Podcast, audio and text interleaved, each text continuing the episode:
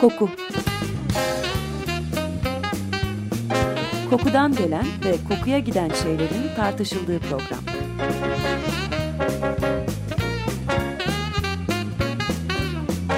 Hazırlayan ve sunan Vedat Ozan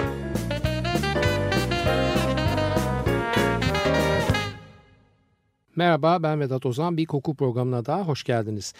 Geçiş törenleri yani bir kişinin bir durum veya sosyal statüden bir başka durum veya sosyal statüye geçişiyle ilgili törenler ve ayinler doğumla ilgili, ergenlikle ilgili, evlilikle ilgili veya ölümle ilgili durum değişiklikleri ve bunlara eşlik eden kişinin bağlı olduğu kültüre göre de büyük değişkenlikler gösterebilen ayin ve ritüeller bugünkü konumuz. Bizim kültürümüzün içinde de böyle otantik kodlar elbette var ancak şimdilik biz bize uzak coğrafyalara göz atmakla yetineceğiz. Yeni doğan bebeklerin dünyaya doğal ortamlarının kokusu üzerlerinden buram buram pışkırarak geldiğini biliyoruz. Bazı kültürler onların bu doğal kokularını kendi adetlerine uygun yeniden yapılandırarak sosyal topluma kabullerinin önünü açmak istiyorlar.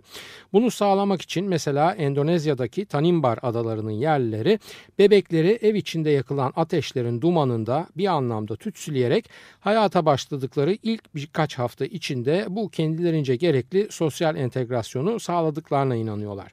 Kokulandırılma gereğinin hissedilmesi sadece Tanimbar yerlilerine özgün bir durum değil.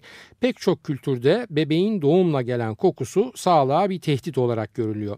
Sudan'ın kuzeyinde Nil nehrinden alınmış bir tas su ve bu suya eşlik eden kokulu maddeler yeni doğanı ziyaret eden yakınlarını bu varsayılan sağlık tehdidinden ve saf olmayan doğum kokusundan koruyor.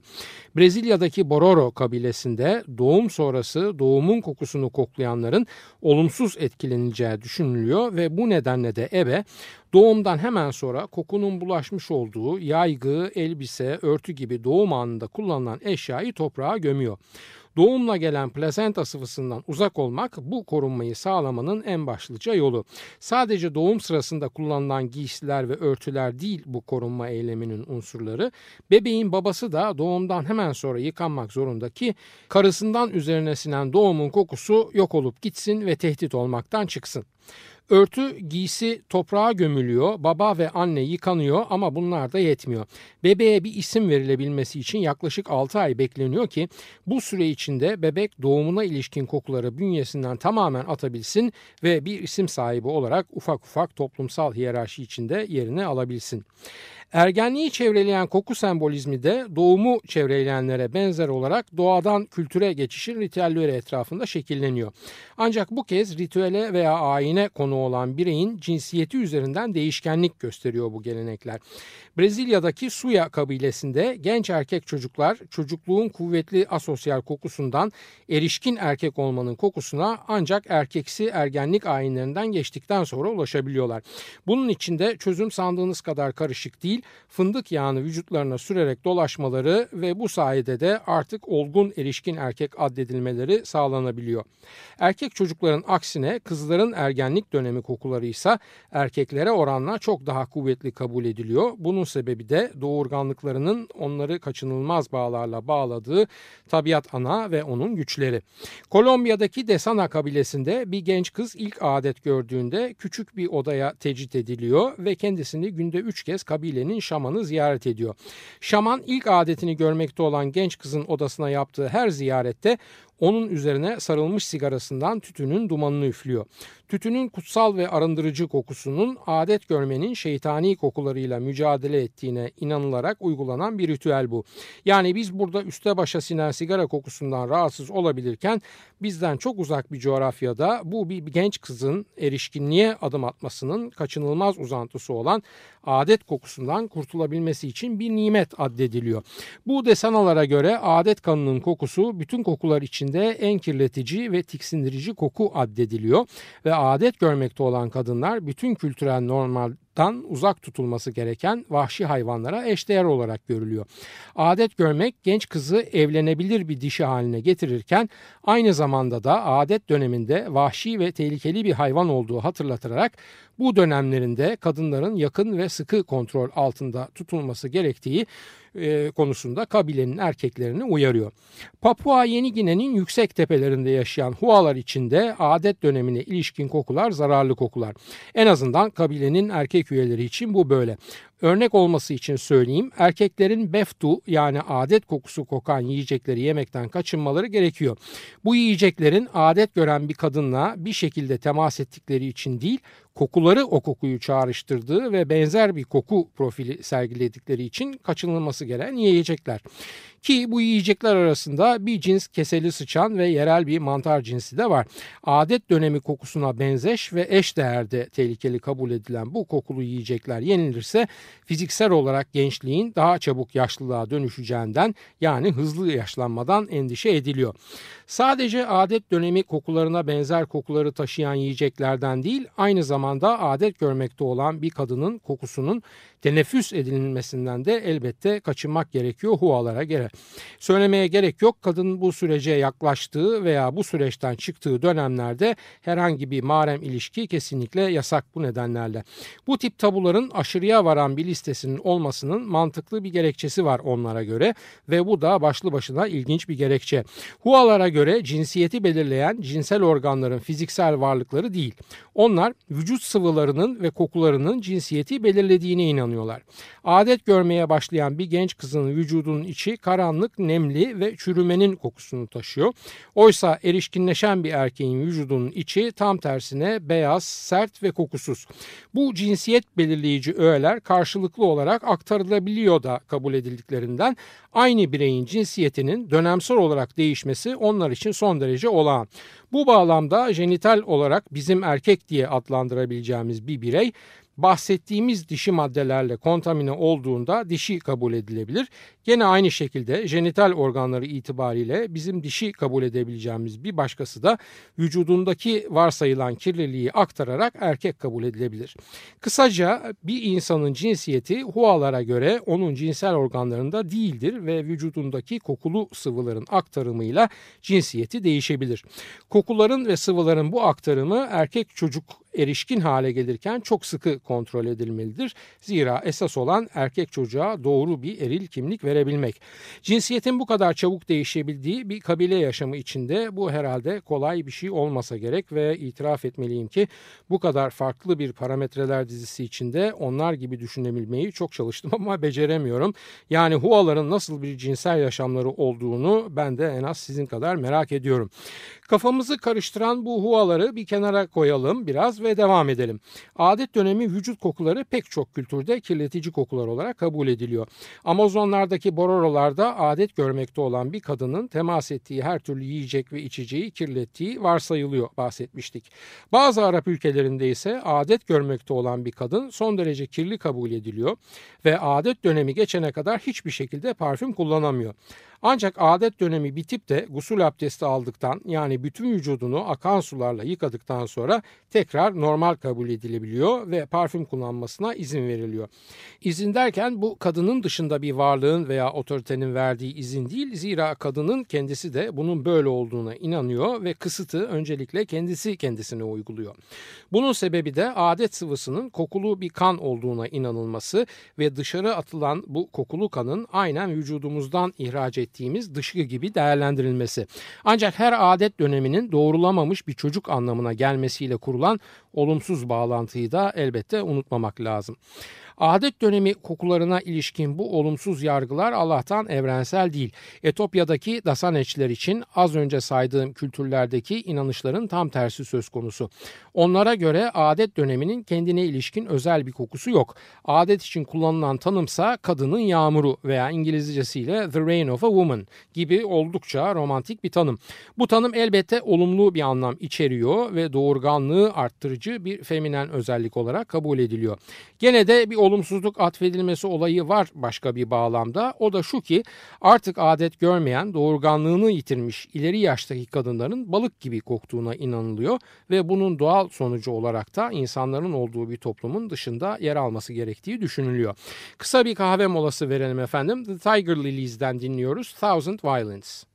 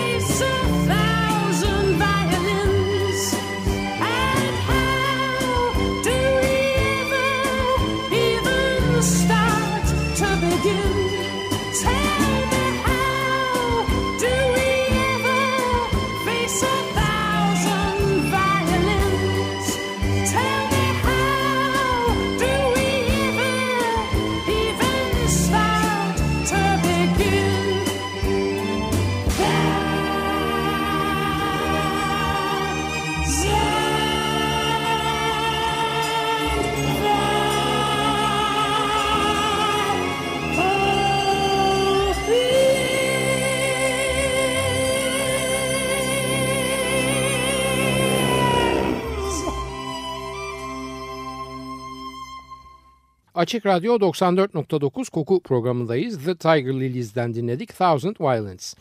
Andaman adalarındaki ongeler için bir kadının adet dönemi ruhlar tarafından kadınlara tanınmış bir ayrıcalık.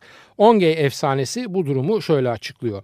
Önce denizden kadınlar geldi sonra da ormandan erkekler. Kadınlar denizden yani ongelerin esas vatanından geldikleri için ruhlarla daha yakın ve dost ilişkileri vardı. Belli bir yaşa ulaşan kadınlar dolunayda kan akıtacaklar. Bu her dolunayda kanın akması ayrıcalığı kadınlara dost ruhlar tarafından bahşedilmiş bir ayrıcalıktır. Bu sayede kadınlar vücutlarını her daim ağırlık ve hafifliğin uygun dengesi içinde tutabilirler. Tahmin edebileceğiniz gibi bir ada halkı olan Ongeler için deniz neredeyse kutsal ve ayrıca gene tahmin edebileceğiniz gibi efsanede bahsedilen ağırlık ve hafiflik elbette fiziksel anlamda ağırlık veya hafiflik değil, bilakis her bireyin kendi kokusu ve yaşamsallığının miktarı. Bu anlayışa göre adet görmek kadınların fazla kokuyu atmasını ve kokusal şişkinlikten uzak kalmasını kalmalarını sağlıyor. Daha önceki yayınlardan birinde 10G'lerle tanışmıştık aslında. Hatırlarsınız iki 10G birbiriyle karşılaştığında ilk cümleleri ne haber nasılsın değil konyune onorange tanka yani kokun nasıl oluyordu. Bunun cevabına göre eğer sorulan birey koku olarak hafifse arkadaşı onun yüzüne üfleyerek keza koku olarak ağırım diye bir cevap gelirse bu kez yüzünden doğru derin bir nefes alarak arkadaşının kokusunun dengeye gelmesini sağlıyordu. Peki 10G kadınları adet görebildikleri ve bu sayede vücut kokularını uzun dönem içinde dengeleyebildikleri için şanslılar. Ya 10G erkekleri onlar iki nedenden bu kadar şanslı değiller ve bunun için ekstra bir şeyler yapmaları lazım. İlk şanssızlıkları adet göremedikleri için vücutlarındaki varsayılan koku dengesini kuramıyorlar. İkinci şanssızlıkları ise bu sebeplerden ruhlarla kadınlar kadar iyi ve yakın ilişkileri yok. O zaman ne yapacaklar? O zaman bir takım tören ve ayinler yapacaklar ki üzerlerindeki fazla kokudan kurtulsunlar ve ruhlarla doğru iletişime geçebilsinler. Erkek 10G çocuklarının ergenliğe geçiş dönemlerinde kabilenin kadın ve çocukları göğe doğru elleri ve gövdeleriyle salınarak ve bir anlamda dans ederek kabilenin kokularını salmaya ve bu sayede ruhların dikkatini çekmeye çalışıyorlar. Kabilenin erkekleri ise kokularını bastıracak hiçbir şey sürünmemeye dikkat ederek ormana avlanmaya gidiyorlar. Yani kadın ve çocuklar ruhların dikkatini çekecek, dikkati çekilen ruhlar da avlanırken doğal olarak terleyen ve vücut kokusu artan erkekleri fark ederek onlarla iletişime geçecek. Küçük bir hile de yapılıyor aslında ve erkeklerin sadece vücut kokularının ruhlar tarafından fark edilmeye yetmeyeceği düşünülerek bu av partisi esnasında ağaç dallarına çürümüş domuz etleri de asılıyor. Farkındaysanız bütün kabile 7-24 çalışıyor genç bir ergenin erkek sayılabilmesi için. Ancak bütün bunlar sayesinde ergenliğe giren çocuğun vücut kokusu azalarak ruhlarla beraber seyahat etmeye hazır hale gelebiliyor. Kadınlar sadece dans ederek değil başka şeyler yaparak da yardımcı oluyorlar ve bu ergenliğe geçiş töreni esnasında genç erkeğin vücut kokusunu içlerine sürekli çekerek koku dengesini sağlamaya çalışıyorlar. Adet döneminin kadınlara tanınmış bir ayrıcalık olması genç kızların ergenliğe geçerken bu törenlerin hiçbirine ihtiyaç duymaması ile daha da kesinlik kazanıyor. Durun da e, genç erkek çocukların çilesi bitmedi. Kadınlar genç erkeğin vücudunu sıcak şeylerle sararak terlemesini de arttırmaya çalışıyorlar. Bu da yetmiyor. Genç çocuğun vücudunu sürekli oğuşturarak kokusal ağırlığını gövdesinin alt kısmına itmeye ve böylece ruhlarla daha rahat tırnak içinde yüzebilmesine olanak tanımaya çalışıyorlar.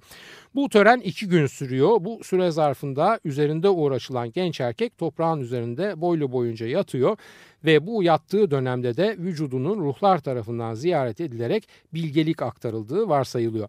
Tören bittikten sonra gene başına toplanılıp bu kez soğutulmaya çalışılıyor ve vücuduna yapılan masaj tam ters yöne evrilerek yani kokusal ağırlığı gövdesinin altına değil bilakis her yanına eşit olarak yayılarak dengeli ve tutarlı bir kokusal ağırlığa ulaşmasına olanak sağlanıyor. Bütün bunlar tamamlandığında artık o genç ergen bir gayakvabe olmuştur. Yani diğer kabile üyeleri gibi koku alarak veya vererek kendi dengesini kendi başına sağlayabilir. Tören ve ritüellerle devam edelim. Kuzey Sudan'da bir evlilik törenindeyiz. Bu evlilik törenlerinde koku ve kokulu maddeler yoğun olarak kullanılıyor. Mesela genç gelin için özel bir tütsü hazırlanıyor ki bu tütsünün ana içerik maddeleri sandal ağacı ve dufra denilen timsah pençesi. Bu iki malzeme ve diğerleri şekerle yoğrularak bir kapta pişiriliyor. Pişirilen malzeme diğer kokulu tütsülerle beraber bir mangala konuluyor ve üzerine bazı hazır alınmış parfümler ve kolonyalar kadar sıkılıyor. Mangala konan bu malzeme altında ateş yakılarak sürekli karıştırılıyor ve gelin için özel hazırlanan bu kokunun ortama yayılması sağlanıyor. Bu sayede gelin ve bulunduğu ortam kokutuluyor. Ancak bu sadece gelin için yapılan hazırlık bir de evlilik veya zifaf için özel bir nevi kurumsal kokulandırma var. Bu ikinci kokunun esas unsurları ise sandal ağacı yağı, karanfil yağı ve bir cins kirazın çekirdeklerinden çıkarılmış yağlar. Bunlara toz haline getirilmiş misk tanecikleri, tütsülenmiş sandal ağacı tozu ve muhtelif diğer madde ekleniyor. Şişenin içine aktarılan bu malzemeye son olarak sigara dumanı üfleniyor şişenin ağzından ve hemen kapağı kapatılıp çalkalanarak sıvı ve dumanın karışması sağlanıyor. Daha sonra hazırlanmış bu parfüm ki oldukça tatlı ve ağır bir koku olduğunu düşünüyorum. Sadece gelin değil düğün törenine katılan bütün kadınlar tarafından bol bol sürünülüyor. Bu saydığım tütsü ve parfümler sadece estetik bir ihtiyacı karşılamak amacıyla hazırlanmıyor elbette ve aynı zamanda kompleks bir sembolizm de var bu ritüellerin içinde. Ticari olarak hazır alınan parfüm ve kolonyalara soğuk ve erkeksi bir değer atfedilirken elle hazırlanan tütsünün ise sıcaklık ve dişiliğin kokusunu yayacağı varsayılıyor. İlk anlattığım örnekteki mangal üzerindeki tütsüye hazır alınmış parfümlerin sıkılması soğukla sıcağın dişiyle erkeğin birleşmesini simgeliyor. Ortama salınan bu bileşimdeki koku bu anlamda evlilik bağıyla ulaşılmaya çalışılan birliğin ve doğurganlığında sembolü oluyor. Biraz daha ezoterik bir açıdan baktığımızda ise bu kokular vasıtasıyla cinler ve nazar da bu kutsal evlilik müessesesinden uzak tutuluyor ve hem yeni evlenmekte olan çift hem de evliliğin şahidi olan konuklar bu kırılgan statü değişim töreni esnasında doğaüstü güçlerden korunuyorlar. Şimdi ilk başından bir bakalım bugün anlattıklarımıza. Doğumla yaşanan veya adet dönemleri ve ergenlikle yaşanan veya evlenerek yaşanan bu geçiş ve sosyalleşme evrimleri sırasında neden koku kullanılıyor? İlk ve en kaba hatlarıyla kokunun değişimle bir algılanması gereken bir süreç içerdiğini ve anlık olmadığını hatırlamamız gerek. Kokular doğal yapıları itibariyle küçük molekül ağırlığına sahip notalarla daha büyük molekül ağırlığına sahip notalar arasında sürekli bir devinim içindeler. Bu kullandığınız parfümde de böyle. Biliyorsunuz üst kalp ve baz notalar var parfümlerinizde ve süreç içinde kokusal değişim yaşıyorlar. Bu değişim evrelerini kesin çizgilerle ayırmamız imkansız. Zira parfüm parfümlerinizin katmanları arasında ani dönüşler değil uyumlu ve birbirine geçmiş bir sürekli akışkanlık söz konusu. Hangi anını koklamış olursanız olun o sürekli akış içinde arada bir yeri koklamış oluyorsunuz.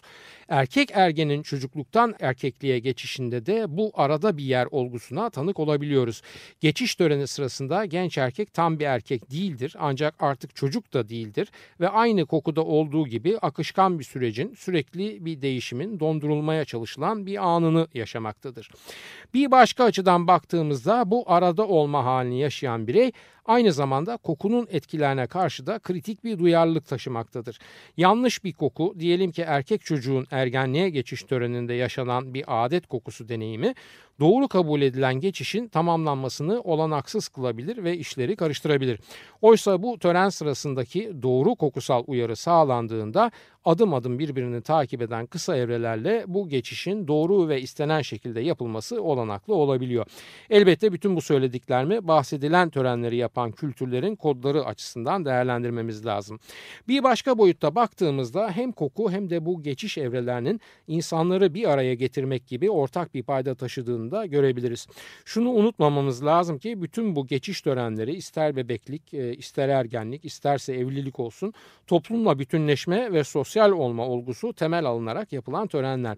Bu anlamda tütsülerle kokulandırılmış bir ortamda olmak ve o an orada mevcut tüm bireylerin aynı kokusal profilin şahidi olması yani hem geçişi yaşayanın hem de tanıklarının hemen hemen aynı kokuyu koklaması onları görünmez bir şemsiyenin altına sokuyor veya görünmez bir ortak deneyimin parçası yapıyor. Hem töreni yaşayan hem de törenin şahitleri aslında bu kokusal algı aracılığıyla farklı boyutta bir sosyal paylaşım yaşıyor. Kokunun bu birleştirici olma özelliği özellikle doğum veya erkekle kadının birlikteliği veya başka bir deyişle evlilik gibi geçiş törenlerinde daha da anlam kazanıyor. Farklı kokulara sahip bireyler bu geçiş törenlerinde bir araya geliyorlar. O an için aynı kokunun paylaşıcısı oluyorlar ve bu anlamda hem kokusal hem de sosyal bir bütün oluşturuyorlar. Bunu sağlamak için kullanılan koku unsurları ve bu unsurların tek tek sembolize ettikleri toplumsal kodlar ait olunan kültüre göre farklılıklar gösterebiliyor ancak fark ne olursa olsun kültürün kendi ölçeğine indiğimizde yaşanan deneyim paralel bir bir olma ve sosyallik deneyimi. Yani koku sadece törenin öznesinin değil aynı zamanda onun tanığı olan diğer katılımcıların da entegrasyonunu sağlayan bir unsur. Elbette hem başka ve uzak kültürlerin hem de bizim toplumlarımızın tören ve ritüellerini sadece koku duyumuza indirgemek doğru bir yaklaşım olmaz.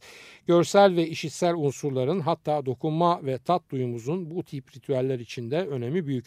Gelin görün ki bizim programımız ismiyle müsemma koku programı ve biz sadece bu nedenle bile olsa olayın bu cephesini ele almak durumundayız. Bizim toplumumuzda üzeri örtülü geçen ve bastırılmış koku duyusunu biraz daha açık ve belirgin olarak ele alınan uzak kültürlerin örnekleriyle belki biraz daha farklı algılayabilir. Bu anlamda da fark etmekten maalesef uzak olduğumuz zenginliklerimizin belki farkına varabiliriz diye düşünüyorum. Efendim hepinize iyi günler diliyorum. Soru, öneri ve eleştirileriniz için e-posta adresimiz kokuprogrami.yahoo.com Yayınlarımızda geçen konulara ilişkin görselleri her zaman olduğu gibi facebook.com Taksim Vedat Ozan Koku adresinde görebilirsiniz. Ben Vedat Ozan, radyonuz kokusuz kalmasın sevgilerimle.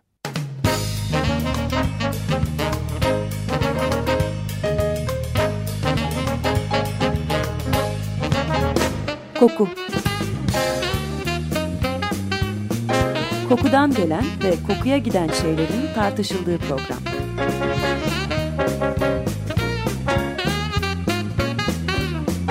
Hazırlayan ve sunan Vedat Ozan